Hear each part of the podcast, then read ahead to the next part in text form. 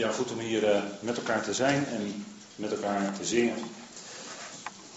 En elkaar te spreken. En ook met elkaar te spreken over datgene wat uh, ons hart beweegt. Namelijk dat is wat uh, Gods woord ons duidelijk maakt. En vanmorgen hebben we zojuist gelezen uit uh, Hebreeën 9. Misschien wel een stukje wat u niet zo dagelijks leest, niet zo vaak leest. Een wat moeilijker stukje misschien. Maar we willen kijken naar wat God daar ons mee te zeggen heeft. En voordat we dat doen, wil ik graag eerst met u bidden. Vader, wij danken u dat we ook op dit moment hier weer bij elkaar zijn en dat doen rond uw woord. Dank u wel, Vader, dat het woord van u levend is en krachtig en diep in ons leven doordringt, Vader, zodat het scheiding maakt tussen ziel en geest. Vader in ons innerlijk, dank u wel, Heer, dat u dat doet en dat u door uw woord en door uw geest duidelijk maakt waar het om draait, wie u bent. Wie u bent voor ons in ons leven, van alle dag, in ons persoonlijk leven. Dank u wel, Vader, dat u meegaat, ook deze morgen, Heer, in de minuten die we hebben, om iets van uw woord te overdenken. Geeft u wijsheid in het spreken. Mag elke gedachte en elk woord van u zijn en tot opbouw van het lichaam van Christus. Vader, en bovenal tot eer en verheerlijking van uw naam. Dank u wel, Vader, dat we zo hier bij elkaar willen zijn en met elkaar willen nadenken. Leid ons daarin door uw Heilige Geest. We u daarvoor in de machtige naam van uw geliefde Zoon. Amen. De tent die in het midden van Israël stond tijdens hun woestijnreis, daar gaat het hier over in Hebreeën 9, de tabernakel of de tent. En dat is een heel bijzonder iets. Het is iets dat uh, Mozes gezien heeft toen hij op de berg was. En daar is later aan wat Mozes gezien heeft en wat hij overbracht, is uitdrukking gegeven door mensen die de instrumenten maakten, de tent die gemaakt werd. Dat was iets dat Mozes gezien heeft. Hij heeft dit zo niet letterlijk op de berg gezien. Hij heeft andere dingen gezien. Hij heeft hemelse dingen gezien. Hemelse waarheden. En die hebben een uitdrukking gekregen in deze tent- en tabernakeldienst. En deze dienst, en dat maakt de Hebreeën wel duidelijk, maar Paulus maakt het ook duidelijk, dat die hele dienst en de weg naar God eigenlijk, de weg naar de tegenwoordigheid van God, want daar gaat het om, die is uitgebeeld en dat waren schaduwbeelden van datgene wat komen moest. En dat hebben we niet gelezen in Hebreeën, maar in dit hoofdstuk, maar het staat in het volgende hoofdstuk, in hoofdstuk 10, het eerste vers. Namelijk dat de Torah, daar wordt het woord wet vertaald, en op grond van het Griekse woord is dat best een hele goede vertaling. Maar dat de onderwijzing, dat dat een schaduw in zich hield van toekomstige dingen of goederen, net hoe je dat vertalen wil. Het verwees dus in de schaduw naar een geestelijke waarheid die in de toekomst zou plaatsvinden. En zo willen we er ook vanmorgen naar kijken. Dat zijn de typen en beelden die in die tabernakel vervat zitten. En we hebben absoluut veel te weinig tijd om deze hele tabernakel te bespreken. Dat zou op zich bijzonder de moeite waard zijn. Maar we willen vanmorgen kijken naar een aantal aspecten. En dat is ook wat de Hebreeën schrijver hier noemt. En hij zegt na het tweede gordijn, echter een tabernakel die de heilige der heiligen werd genoemd, met een gouden wierookvat en de ark van het verbond, die geheel met goud overtrokken was. Dus er was sprake van de eerste tabernakel of de eerste tent, wat wij in het algemeen kennen als het heilige. Ik hoop dat u iets van de tabernakel weet. En het tweede tabernakel, waar Hebreeën hier over schrijft, de tweede tent was eigenlijk het heilige der heiligen. En in dat heilige der heiligen mocht één keer per jaar de hoge priester, die was aangewezen in Israël, in de klasse van Aaron, mocht in dat heilige der heiligen komen voor Gods aangezicht, want God troonde daar in dat heilige der heiligen op de ark van het verbond tussen die vleugels, tussen die gerubs, tussen die cherubim. En dat was eigenlijk de weg naar de tegenwoordigheid van God. En dat is eigenlijk heel bijzonder dat maar één mens van heel dat volk Israël en dan nog maar één keer per jaar kon komen in de tegenwoordigheid van God. Eigenlijk duidde deze hele tabernakel afstand van God uit. Dat, dat is eigenlijk heel wonderlijk. Hè? Terwijl het is de toegang naar God toe, hè? zoals de hoge priester loopt dan. Die loopt naar de tegenwoordigheid van God toe en toch was er afstand. Want er kon maar één keer per jaar, kon hij komen als enige van het hele volk in het heilige der heiligen. En in dat heilige der heiligen staat de ark, waarover Hebreeën ook schrijft. Hè? Met de voorwerpen die in de ark waren. Hè? Dat hebben we net gelezen met elkaar. Ehm, en, hij, en in die ark waren de gouden kruik met het manna, ik lees u even voor uit vers 4. De staf van Aaron die gebloeid had. En de stenen tafelen van het verbond. Volgens Hebreeën 9 lagen die in de ark. Daar is een moeilijkheid mee, maar daar gaan we nu niet op in vanmorgen. Maar die lagen in de ark van het verbond. De ark, een geweldig, een geweldige iets dat, dat, dat Israël had moeten maken onder leiding van Mozes. En het is een ongelooflijk iets, want het was helemaal van binnen en van buiten overtrokken met goud. Dus het was een heel kostbaar voorwerp. En daar willen we vanmorgen wat meer op inzoomen, op die ark van het verbond. Dus niet de hele tabernakel en de hele dienst, maar de ark. En zo, als u dit plaatje ziet en u kijkt van rechts naar links, dan ziet u de weg die de hoge priester aflegde. Van buiten de voorhof kwam hij eerst bij het koperen brandofferaltaar. Vervolgens kwam hij bij het koperen wasvat.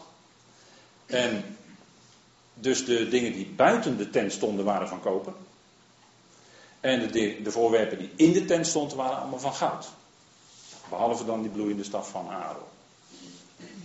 Maar de gouden kandelaar, daar kwam hij dan, als hij het heilige binnenkwam, zag hij links aan de zuidkant de gouden kandelaar. Die gaf licht. En rechts aan de noordkant zag hij de gouden tafel met de toonbroden. En voor zich zag hij dan het gouden reukofferaltaar. En achter de tweede voorhang, achter het tweede gordijn, stond dan die ark van het verbond. En eigenlijk was die hele tabernakel gebouwd om die ark van het verbond heen. Want daar ging het uiteindelijk allemaal om. En dan lezen wij in Exodus 25 dat zij moesten die ark maken van sittimhout. Dat staat in het Hebreeuws. Het Hebreeuwse woord is sittim. En dat is, zeggen de meeste uitleggers, acacia-hout. En dat groeit daar, een van de soorten van acacia, die groeien daar dan ook in het Midden-Oosten. U ziet hier de Negev, de acaciaboom die groeit in de Negev. Dat hout was voorhanden, daarvan was die ark gemaakt. Het was eigenlijk een kist. U moet niet verwarren met de ark van Noach. Dat is hetzelfde Nederlandse woord, maar in het Hebreeuws zijn dat totaal verschillende woorden. Deze ark van het verbond was een kist. En die was van sittimhout gemaakt. En van binnen en van buiten overtrokken met goud. En toen Mozes de stenen tafel had ontvangen van JW, moest hij die stenen tafel leggen in een kist die hij maakte. Dat staat in Deuteronomium 10. Dus hij maakte eerst een houten kist. En waarschijnlijk is die kist, als dat die kist nog steeds is, was die later overtrokken met goud. Of er is later een hele nieuwe kist gemaakt waar alsnog dan die stenen tafel in werd gelegd. Dat kan ook. Maar in ieder geval, Deuteronomium 10 is de verwijzing waar Mozes dat zelf uh, verhaalt. En dat hout, dat is in het Hebreeuws het woord ots. En dat betekent ook boom. Zit in hout. En dat hout, dat spreekt, want deze hele tabernakel met al zijn voorwerpen die spreken, dat zijn typen of beelden van degene die komen zou. De wet heeft een schaduw van de toekomstige goederen of dingen en vooral van onze Heer zelf. Deze ark spreekt van de Heer. En daar geeft Paulus een aanwijzing voor in Romeinen 3. Dat hij het verzoendeksel is. En dat was het deksel wat op de ark lag. Dus daar hebben we een duidelijke aanwijzing, een verwijzing naar de ark in verband met de Heer.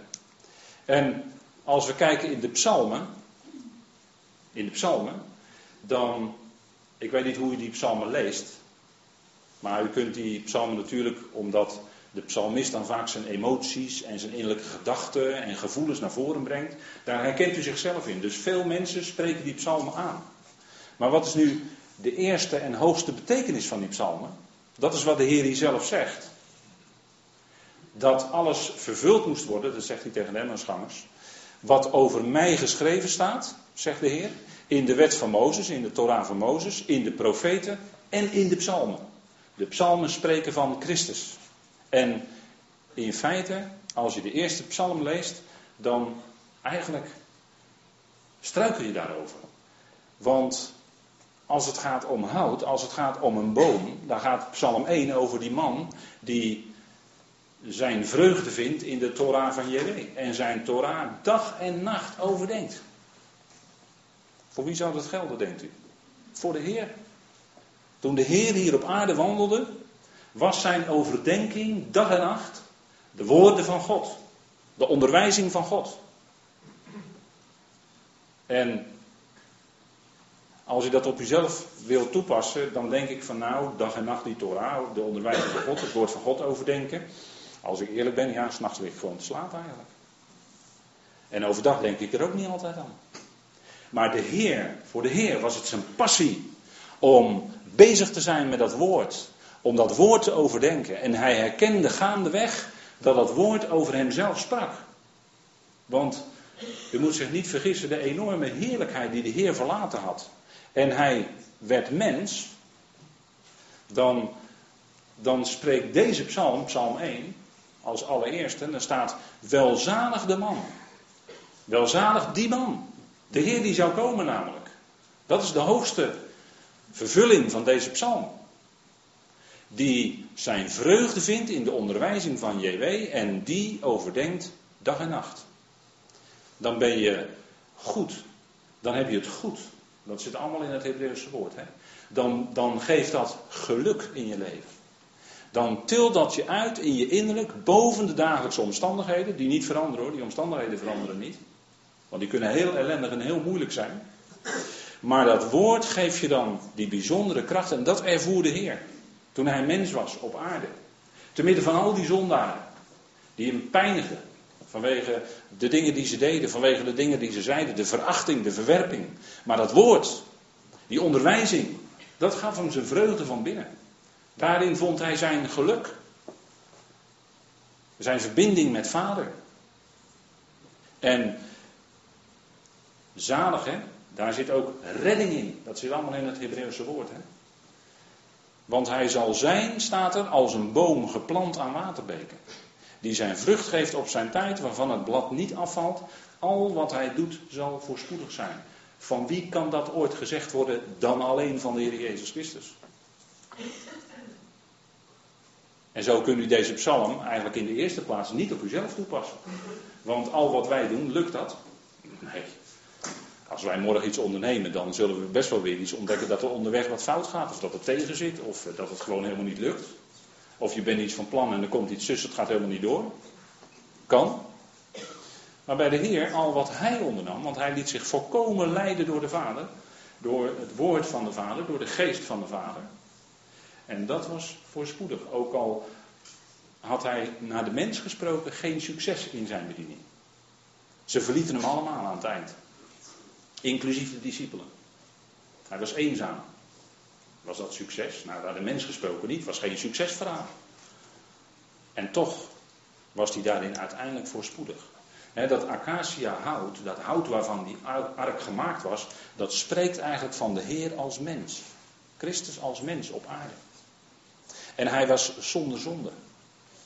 Want hij was het die niet wandelde in de raad van de goddelozen, hè, waar Psalm 1 over spreekt. Hij wandelde niet in de raad van de boosaardige mensen. Hij ging daar niet in mee. Hij stond niet op de weg van de zondaar. Hij was zonder zonde. Hij was een vlekkeloos lam uiteindelijk. En hij zat niet op de zetel van de spotters. Hij deed niet mee met het gespot met de hoon. Nee, dat overkwam hem. De smaadheden vielen op hem. Hij heeft het gedragen voor ons. En, en als we deze dingen zo overwegen. Hè, ik, ik vertel u nu een aantal dingen. Maar komt er dan iets van verwondering bij u op? Van dat hij dat allemaal voor u, voor jou, voor mij gedaan heeft. Dat alles heeft verdragen, dat hij mens werd. Dat heeft hij voor jou, voor u, voor mij persoonlijk gedaan. En, en als we iets beseffen van de ongelooflijke heerlijkheid die hij verlaten heeft om mens te worden, dan, dan word je stil. Dan word je verwonderd. En die ark die was overtrokken van binnen en van buiten, staat er dan, met een gouden, met goud. Hè? En u zult hem overtrekken en er op een gouden flens een rand eromheen maken. dat is zo'n krullende rand zo. Daar was hij helemaal mee, van rondom moest dat aangebracht worden. En dat was natuurlijk voor het deksel wat erop moest rusten. En dat goud, dat is het, het hoogste edelmetaal. Dat behoudt zijn waarde, dat is waardevast. He, goud, geld kan zijn waarde verliezen. Geld kan onderhevig zijn aan inflatie. En dat is het ook. Maar goud behoudt zijn waarde. Je kunt met goud kun je nog net zoveel kopen, bij wijze van spreken, als 50 jaar geleden. En dat is een schitterend metaal. Het behoudt zijn waarde. Het is vast. Het blijft. En dat zegt iets over God. Goud spreekt in de schrift van de godheid van God. Wat is dat? De godheid van God. Dat is dat God werkelijk God is. Dat Hij doet wat Hij van plan is. Dat Hij doet wat Hij zegt. Dat Hij zijn plannen tot uitvoer brengt. De godheid van God. Dat wil zeggen, niets kan zijn plannen tegenhouden.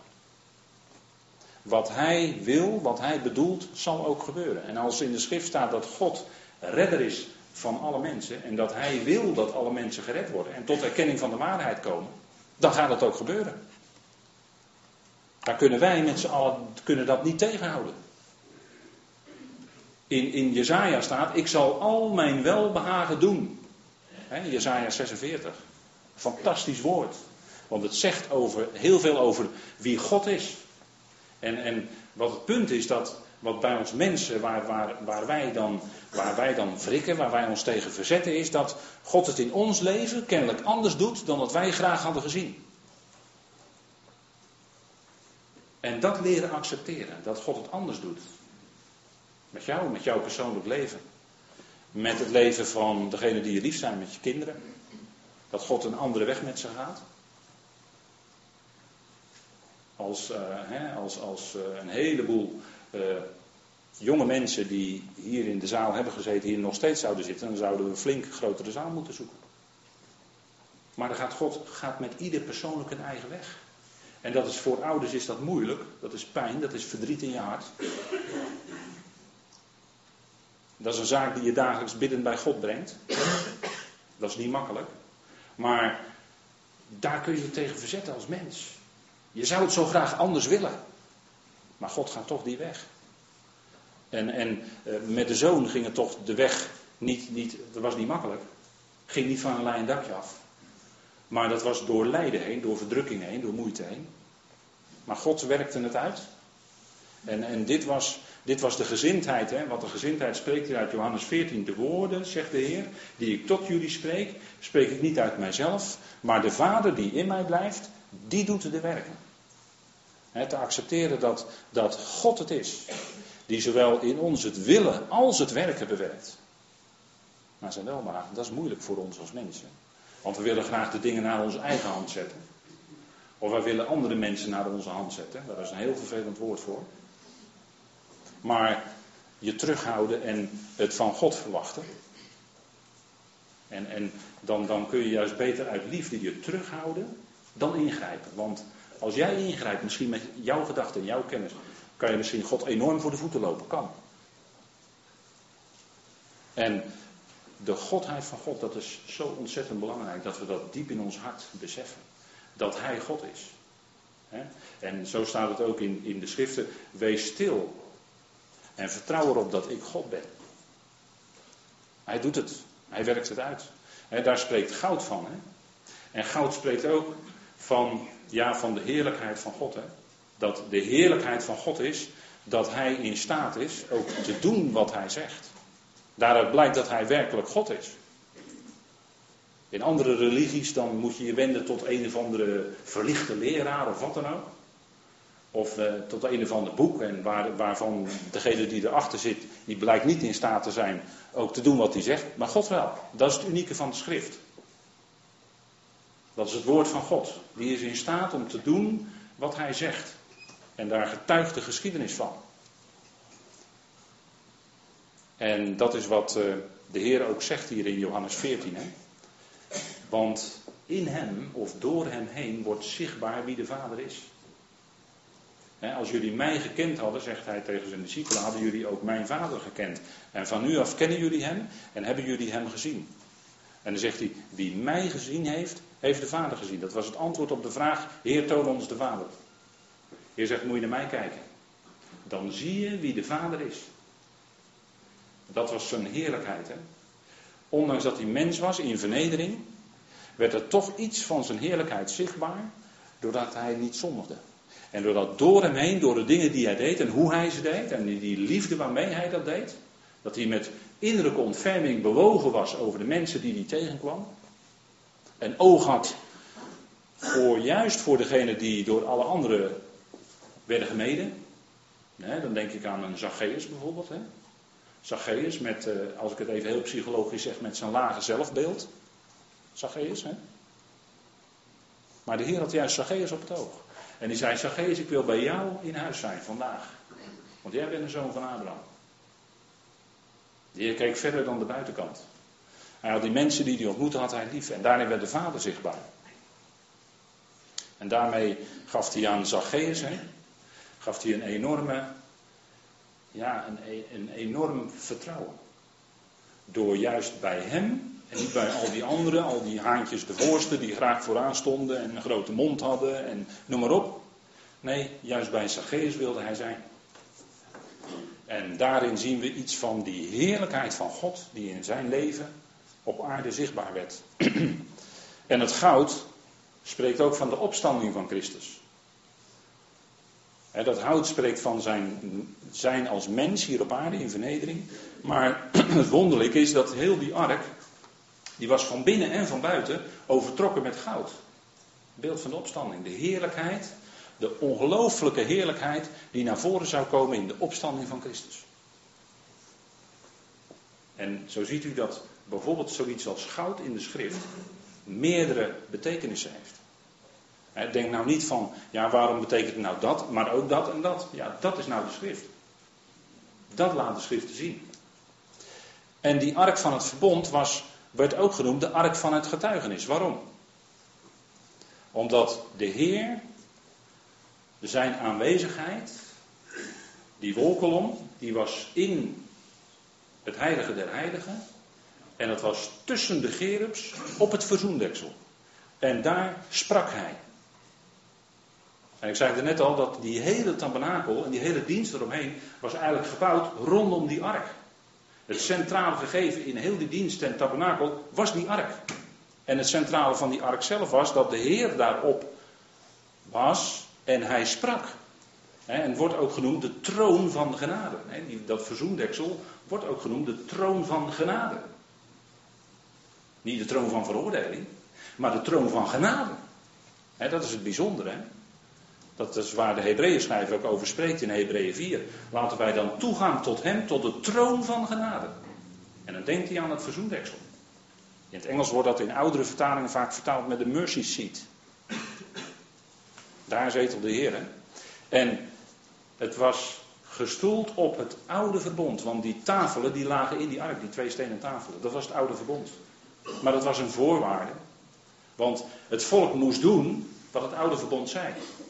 Deden ze het niet,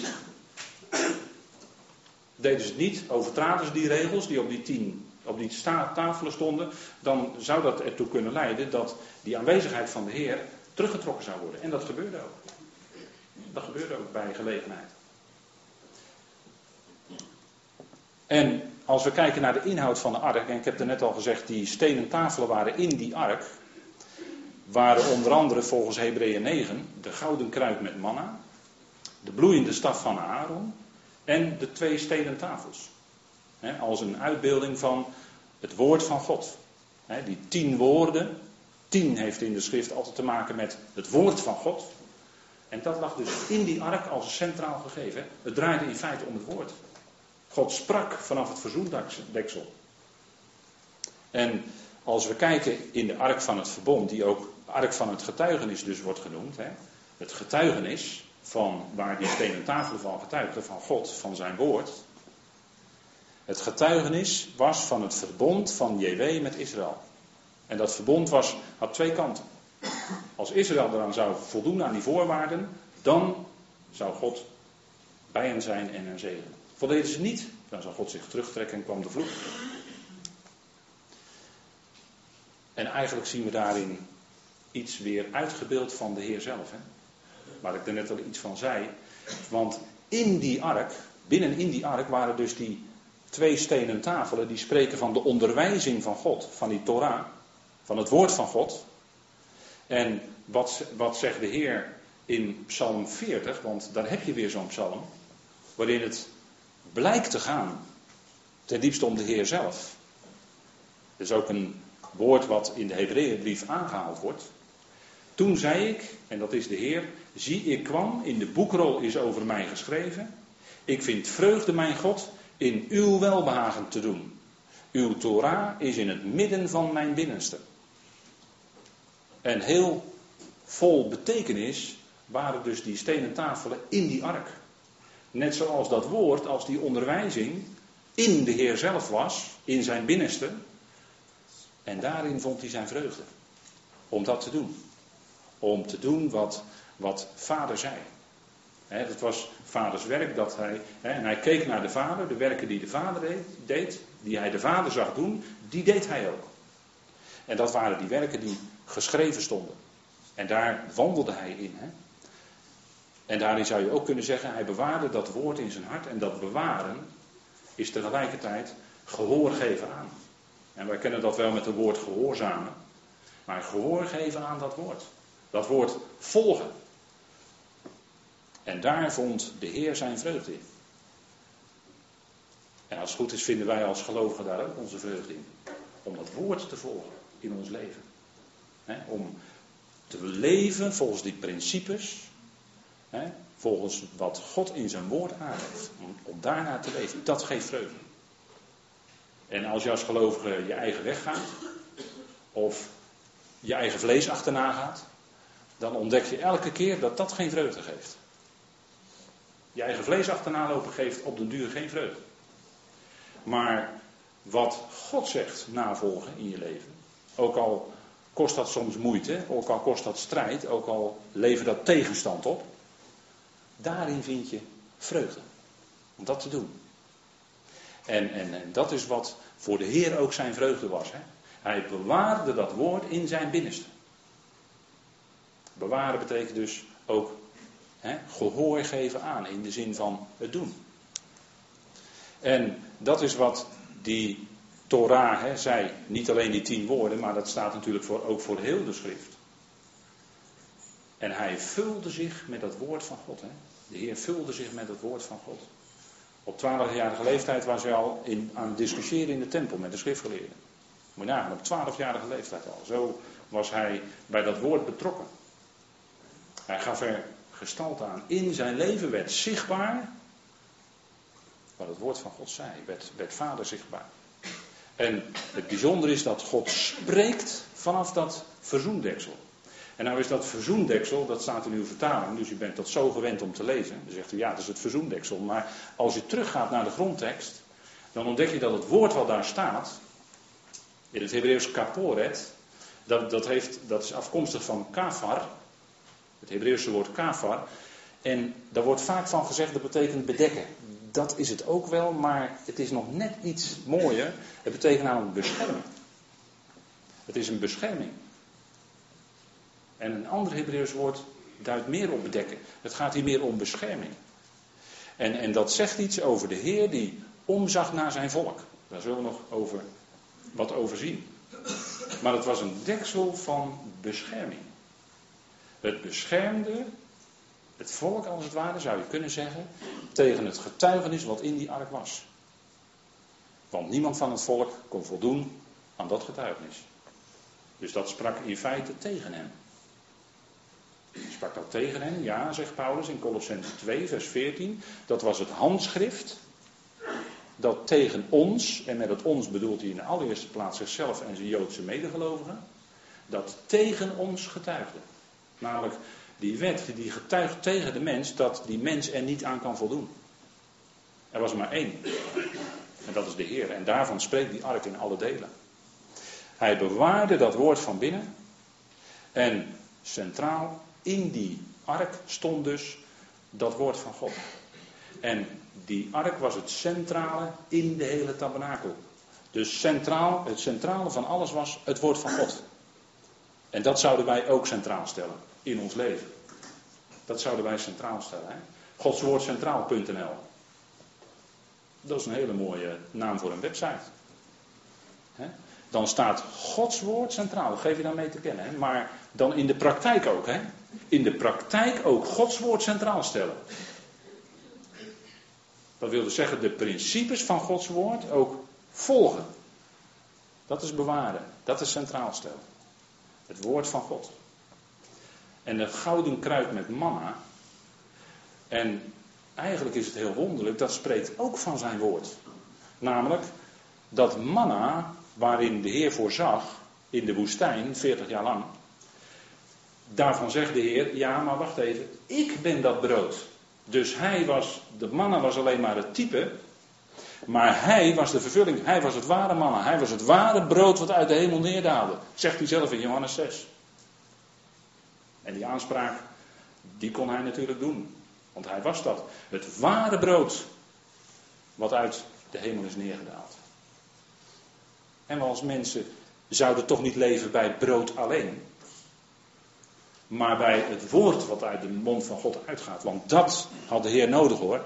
Toen hij de tegenwerker moest weerstaan in de woestijn. Toen antwoordde hij met er staat geschreven. Allemaal uit de onderwijzing die hij geleerd had. En zo leerde hij ook de tegenwerker te weerstaan. En wij eten in feite, als wij eten in de goede zin, dan eten wij, overdrachtelijk gesproken, uit hem. Wij nemen het brood wat uit zijn mond komt. Wij eten in feite van hem. En die gouden kruik met mannen, die getuigde ook van Gods voorziening. God voorzag 40 jaar lang in de woestijn het volk van, van voedsel. Nou, in de woestijn, als je de woestijn intrekt, dan is het snel afgelopen hoor, als je geen voedsel bij je hebt. Dan gaat het heel snel. Je hebt misschien nog wat water, maar dat raakt ook op. Maar de Heer voorzag. Er kwam water uit de rots. Dat was de Christus hè, die met hem meeging. Water uit de rots. Hij voorzag in manna. Dat was de Heer in zijn liefde die omzag naar zijn volk. 40 jaar lang. En toen ze het land binnenkwamen, toen, zei, toen, toen werd er erkend van ja, onze sandalen zijn niet eens versleten. Ongelooflijk. Heb je 40 jaar lang in die woestijn rondgebanjerd met z'n allen. En je sandalen zijn nog niet eens versleten. Dat is een stuk voorziening die de Heer gaf. Hij voorzag in het dagelijkse voedsel. En wat een geweldig beeld is dat van de Heer die ons voorziet in ons dagelijks voedsel, wat uit zijn woord tot ons komt. Dat is al wat we in feite wat we nodig hebben, elke dag. En dat is JW hierheen. Dat is de Heer die voorziet. Het is de Heer die ziet. En, en wanneer zei Abraham dit? Op de berg Moria. Toen uh, bij de binding van Isaac. Toen zei Abraham, JW Jireh, de Heer zal voorzien. En dat is het ook. En dat is wat je hart vreugde geeft, want je ontdekt in je leven, als je omkijkt, dat de Heer heeft voorzien in alles wat nodig was. Ja, niet, niet in alles wat wij nodig vonden voor onszelf, maar in wat Hij nodig vond voor ons leven. Daarin voorziet Hij en daar kun je ook op vertrouwen. Want Hij geeft altijd voldoende. Niet te veel, niet te weinig, precies genoeg. Voor elke dag die we gaan in ons leven. De Heer zal voorzien. bij Abraham was dat misschien wel zijn levensmotto. Ik denk dat dat een hele goede is. De Heer ziet om. Naar u, naar jou, naar mij. En, en als we gemeenteleden zijn, dan, dan als het goed is, zien we ook naar elkaar om. Hè?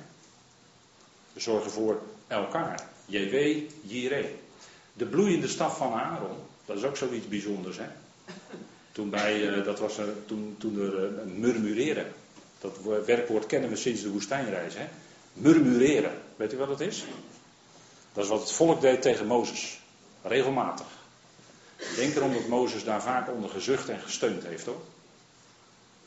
Maar het volk murmureerde regelmatig. Hè, Korach, Datan en Amiram. Misschien kent u die geschiedenis wel. Nou, nou, rebellie. Hè, ze predikten revolutie. Het moest anders. Het moet anders dan dat Mozes zei. Maar Mozes was degene die door God was aangesteld. En die had er eerst 80 jaar lang voor geoefend. 40 jaar bij zijn schoonvader in de woestijn. Toen mocht hij nog eens 40 jaar in de woestijn zijn. Maar dan met een het volk.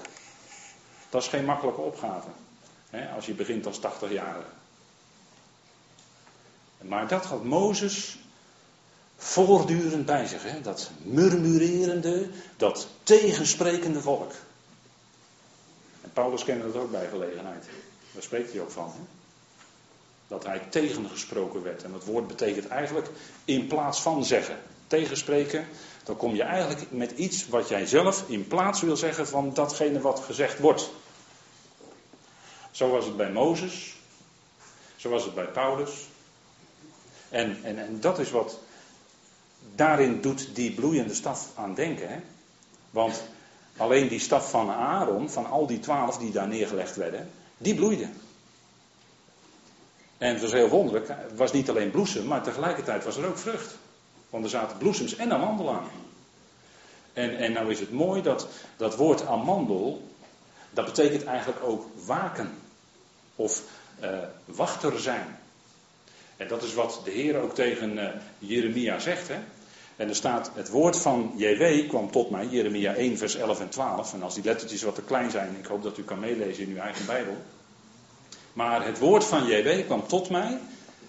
Wat zie je, Jeremia? Ik zei, ik zie een amandeltak. Toen zei JW tegen mij, dat hebt u goed gezien. Want ik waak over mijn woord om dat te doen. En wat is nou het bijzondere? Dat het woord waken hier eigenlijk precies hetzelfde woord is in het Hebreeuws als het woord amandeltak. En, en waarom is dat waken? Omdat het wijst op het ontwaken van de natuur. Want de amandel is de eerste die bloeit in het voorjaar. En het wijst dus op de opstanding van Christus. Want in één nacht, hoe is het mogelijk dat zo'n staf in één nacht gaat bloeien en dan nog tegelijkertijd bladeren, bloesems en de vrucht geeft? Hoe is het mogelijk? Nou, de Heer stond op uit het graf. Als de eersteling. Die als het ware echt ging bloeien in opstandingsleven. Een prachtig beeld, hè? En in hem, en dat is het geweldige van 1 Korinthe 15. In hem worden alle levend gemaakt. Zullen alle delen in die opstanding. Kijk, dat is evangelie. Dat heb je nodig voor je hart. Als je hier geconfronteerd wordt met sterven, met lijden, met moeite, met pijn. En die kunnen we niet bagatelliseren, dat wil ik ook helemaal niet. Maar dan heb je wel die ongelooflijke hoop en verwachting van de opstanding, wat de Heer gaat doen in de toekomst. En dat tilt je uit. Van binnen.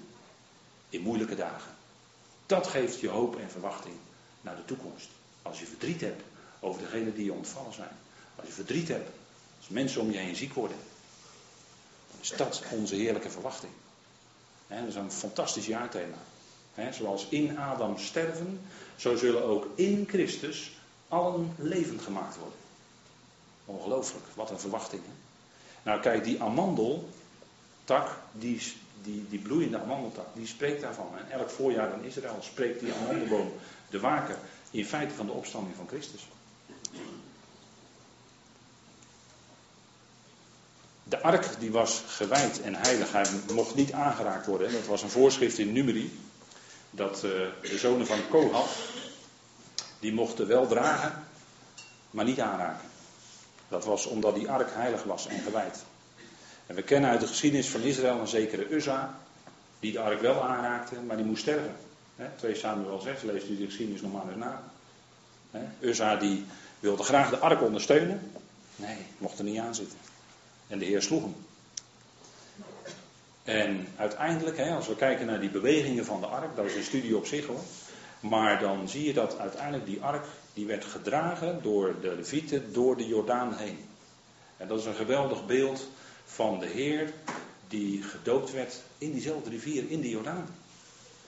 Wat sprak eigenlijk in een beeld van zijn ware doop, niet de doop in water, dat deed hij om alle gerechtigheid te vervullen, maar het sprak van zijn ware doop, zijn dood aan het kruis. Want daar ging het om. En daar was de hele missie van de Heer hier op aarde op gericht. Op het kruis. En, en bij Paulus vind je ook heel weinig over zijn aardse leven, omdat het evangelie, het goede nieuws, draait om wat hij deed aan het kruis. En dat verzoendeksel, dat spreekt daarvan. Hè? Dat beschermdeksel moet ik eigenlijk zeggen. In het Hebreeuws heeft dat te maken met bescherming.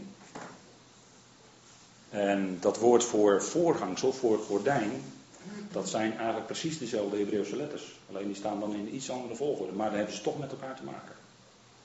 Maar goed, daar gaan we nu niet dieper op in. Ik geef het alleen even aan u mee. Maar dat beschermdeksel, daarvan spreekt Paulus in Romeinen 3 als dat hij dat in feite is. Hè? Christus Jezus, hè? we hebben de vrijkoping in Christus Jezus, Romeinen 3. Hem heeft God voorgeplaatst tot beschermdeksel. Door het geloof in zijn bloed. En het ging om zijn bloed. Tot betoning van zijn gerechtigheid. Van wiens gerechtigheid? Van Gods gerechtigheid. In Romeinen 3 gaat het niet om onze gerechtigheid. Maar in Romeinen 3 gaat het om Gods gerechtigheid. Dat God gerechtvaardigd wordt. En dat wij daar dan uiteindelijk in bij betrokken zijn door het geloof van Jezus. Dat is een geweldig iets. Maar in de allereerste plaats gaat het om Gods gerechtigheid.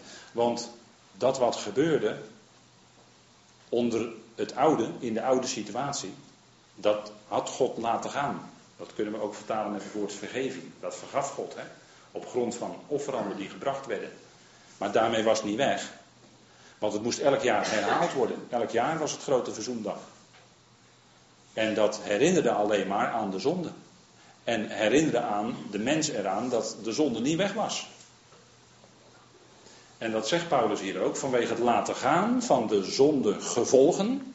Van datgene wat eigenlijk op de zonde moest komen. Want de wet veroordeelde de zondaar, de Torah veroordeelde de zondaar ter dood. En die hadden plaatsgevonden onder de verdraagzaamheid van God. Maar daarmee moest nog iets gebeuren. Dat was de gerechtigheid van God. Onder zijn verdraagzaamheid had hij het laten gaan. Maar het was niet weg. Daar moest nog iets voor gebeuren. En daar sprak het bloed van, wat elk jaar door de hoge priester voor zichzelf, een jonge stier, en een bok die dan geslacht werd voor het hele volk. Met dat bloed kwam hij één keer per jaar in het heilige der heiligen. En dat sprenkelde hij voor en op de ark van het verbond. Op het deksel van bescherming.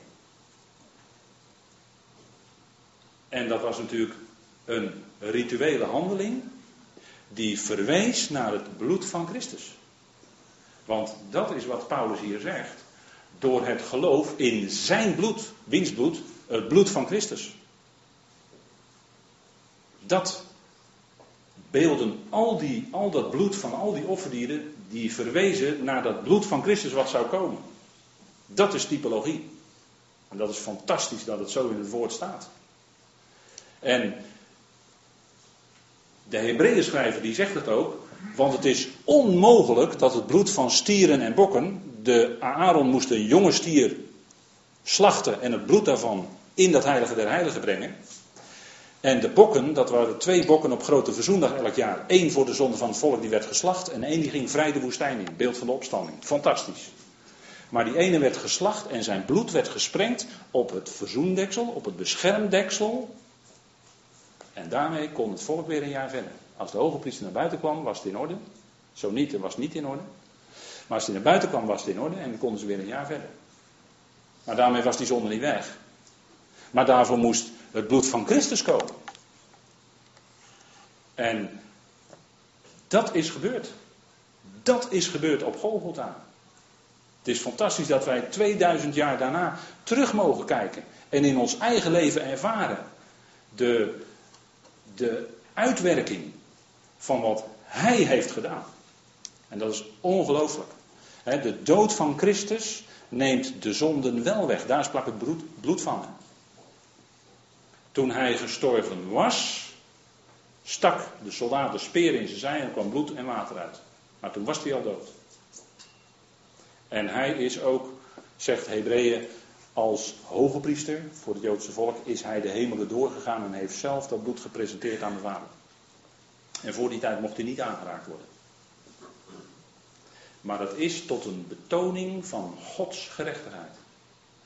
Pas toen hij als de zondeloos, als het volmaakte lam kwam en zijn bloed gegeven was, pas toen was de zonde eens en voor altijd. En toen was het ook definitief eens en voor altijd weggedaan. Wat? De zonden en de zonde. Want hij werd tot zonde gemaakt, zegt Paulus in 2 Korinthe 5. Kijk, dat is evangelie hoor. Dat is goed nieuws. Ja, maar hoe kan nou de dood van hem goed nieuws zijn? Nou, daarmee is alle zonde weggedaan. En het is evangelie omdat hij ook is opgewekt en nu aan de rechterhand van de Vader is. Daarom is het evangelie. Maar alles is voldaan. Dus het is tot een betoning van zijn gerechtigheid als we kijken naar het verleden. Maar ook, zegt Paulus, nu in de huidige era, zodat hij zelf rechtvaardig is. Ziet u, het gaat hier om de gerechtigheid van God. Hier wordt God gerechtvaardigd in wat hij gedaan heeft. En mag hij alsjeblieft, God zelf, mag hij zichzelf rechtvaardigen? Natuurlijk. Want hij doet alles vanuit zijn liefde. Hij doet alles met diepe wijsheid. En laat zien dat het zijn ongelofelijke liefde was. Dat die mensheid, die vijandig was tegen hem, dat hij zijn zoon in grote liefde stuurde. En die mensheid niet veroordeelde, nee, die zoon die kwam onder de veroordeling. En daarom is er voor ons geen veroordeling die in Christus Jezus zijn. Net zoals hij nu zelf buiten alle veroordeling staat, en dat altijd zal blijven, omdat wij in hem zijn, zijn wij ook buiten alle veroordeling. Dat is onmogelijk. Wij kunnen niet veroordeeld worden.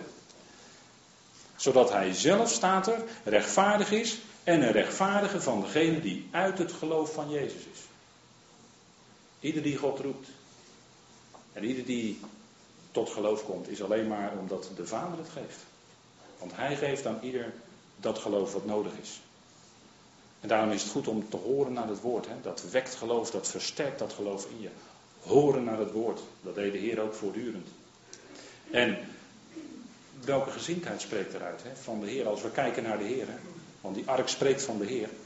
Daar spreekt een enorme gezindheid uit. Dat was, een, dat was het goud wat er bij hem van binnen zat. Hè? Als ik spreek over de ark. Het goud wat bij hem van binnen zat was die gezindheid. Dat hij zo'n onvoorstelbare heerlijkheid heeft verlaten en mens is geworden. Gelijk aan ons is geworden. Dat is wat geweest hoor, voor, voor hem, voor de zoon. Die had zo'n onvoorstelbare heerlijkheid bij de vader. En om dat dan als het ware te verlaten en mens te worden. En gehoorzaam te worden tot de dood, ja zelfs de dood van het kruis. Want het kruis is uiteindelijk alles beslissend. Voor u en mijn leven. Aan het kruis is al, wat, al dat oude in feite in Gods ogen al weggedaan. En zo zouden we ook rekenen. Rekenen dood te zijn voor. Voor de zonde. Dood te zijn voor de wet. Dood te zijn voor de wereld. Dat, dat is de uitwerking van het kruis. En daarmee rekenen, dat wil zeggen, in het geloof, actief, elke dag, daarmee rekenen. Dat is de uitwerking van het kruis. En de Heer is geworden, gehoorzaam geworden tot de dood, ja, de dood van het kruis. Daar spreekt eigenlijk dat beschermdeksel ten diepste van. Hè? Van zijn dood, want het bloed werd erop gesprengd. En die gerubs die zagen dat. Die gerubs moesten erop gemaakt worden met de gezichten naar elkaar toe en ze keken voortdurend op dat deksel. Dat was de heerlijkheid. Zij keken naar dat bloed dat elk jaar gesprengd werd. En dat bloed spreekt van de blijvende waarde en effectiviteit hè, van het lijden en de dood van Christus. Het bloed van zijn kruis betekent uiteindelijk de verzoening voor alles. van allen, want God heeft daarin vrede gemaakt. Er is vrede gemaakt in het bloed van zijn kruis. Dat spreekt van de enorme schande en vernedering die hij onderging. Daar was bij hem uitsluitend ootmoedige gezindheid. Er was geen spoortje van wat onze mensen vaak zo ook geloven, ons vaak zo akelig aankleeft, dat is trots. Wij zijn als gelovigen trots en dat doet zich in vele vormen voor. Verkapt of openlijk, maar dat doet zich in vele vormen voor. En de werking van het kruis maakt een einde aan al onze menselijke trots. Want als we daarnaar kijken, dan zien we dat niet wij, maar dat Hij het alles doet. En dat is een einde van je trots hoor, als je dat gaat erkennen. Dat niet jij, maar dat Hij het doet in je leven. Dan moet jij het dus loslaten. iemand die uh, stuurde ergens een mooie one laat los en houd dat vast. Dat vond ik wel een goede, daar heb ik een tijdje over nagedacht. Maar laat Hem zijn werk doen in je leven. En dat is de moeilijkheid die wij hebben met het kruis. Want het maakt een einde aan onze trots als mens. Het brengt ons op onze knieën bij Hem, die voor ons alles heeft volbracht. En daarom is de boodschap van Paulus, denk ik, vaak niet zo populair bij gelovigen. Die hebben liever andere brieven, want daar wordt niet gesproken over het kruis. Dat is de geestelijke achtergrond. Geestelijke opening. Maar het kruis maakt een einde aan al ons van onszelf. En dat maakt ons niet passief hoor, maar dat maakt ons actief. En actief is dat je ook alle eer geeft aan Hem die het alles in je uitwerkt.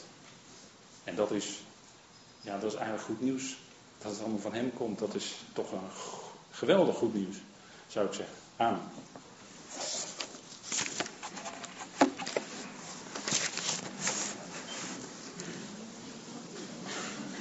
Zullen wij eh, de Heer danken? Trouwe Vader, dank u wel dat we, Vader, vanmorgen een moment stil konden staan bij de diepe betekenis van geweldige schaduwbeelden en typen uit uw woord. Vader, het is bijzonder dat u daardoor ons onderwijst. En ons eigenlijk vanuit de schriften laat zien, vanuit dat wat al zo lang geleden werd opgeschreven. En waar de schrijvers toen geen idee van hadden. Vader, dank u wel dat het heenwees naar dat grote wat u ging doen. En zo had u de schrijvers geïnspireerd, vader. En inspireerde u ook door uw geest. Een Bezaleel en een Aholiab. Om die materialen te vervaardigen van de tabernakel en de tempeldienst. Vader, daar was leiding door uw geest bij nodig. Om uit te drukken de geweldige geestelijke hemelse waarheden die u in deze schepping geeft. Vader, dank u wel dat wij daarom uitkijken naar onze bijeenkomst die zal plaatsvinden als de bazuin klinkt. En de werkelijkheid zal worden wat we al zijn, Vader, dat we een nieuwe schepping zijn in Christus. En daar, Vader, verbaasd zullen staan over wat u ons geeft. Ongelooflijke toekomst met die hemelse bediening. Vader, die wij in zullen gaan. Dank u wel dat u ons dat geeft. Vader, dank u wel dat het kruis diepgaand spreekt, Vader, in de brieven van Paulus. Waar we het eigenlijk als enige tegenkomen. Als het gaat om die diepe betekenis en werkzaamheid en doorwerking van het kruis in ons leven als gelovigen. Vader, het is een ongelofelijke boodschap. En dank u wel dat we daar iets van mogen proeven. En beseffen, vader, ja, het gaat ook niet om ons, maar het gaat om Hem. Vader, en daarom is het goed dat we in ons leven als gelovige vader u daarvoor mogen danken. En iets daarvan mogen uitleven. Vader, dat het niet om ons, maar om Hem gaat. Vader, dank u wel. Dank u wel voor die heerlijkheid uit uw woord. Die centraal staat in ook de tabernakel, Vader. Het draait allemaal om uw woord. Dank u wel voor uw liefde en goedheid, voor uw voorziening, ook in ons leven. Heer, u ziet om naar ons. Het laat u niet onverschillig, Heer, als wij lijden. Maar u bent bij ons betrokken. Dank u wel voor die liefde. Dank u wel voor die genade. Dat u ook zo vanmorgen ons een moment gaf om over deze dingen na te denken. Vader, wilt u zelf de doorwerker zijn in ons hart en leven. Vader, dat ons leven meer en meer mag zijn tot lof en eer en verheerlijking van uw grote naam. Daar dank u voor, Vader, in zijn naam. Amen. Goed zullen wij uh, deze dienst besluiten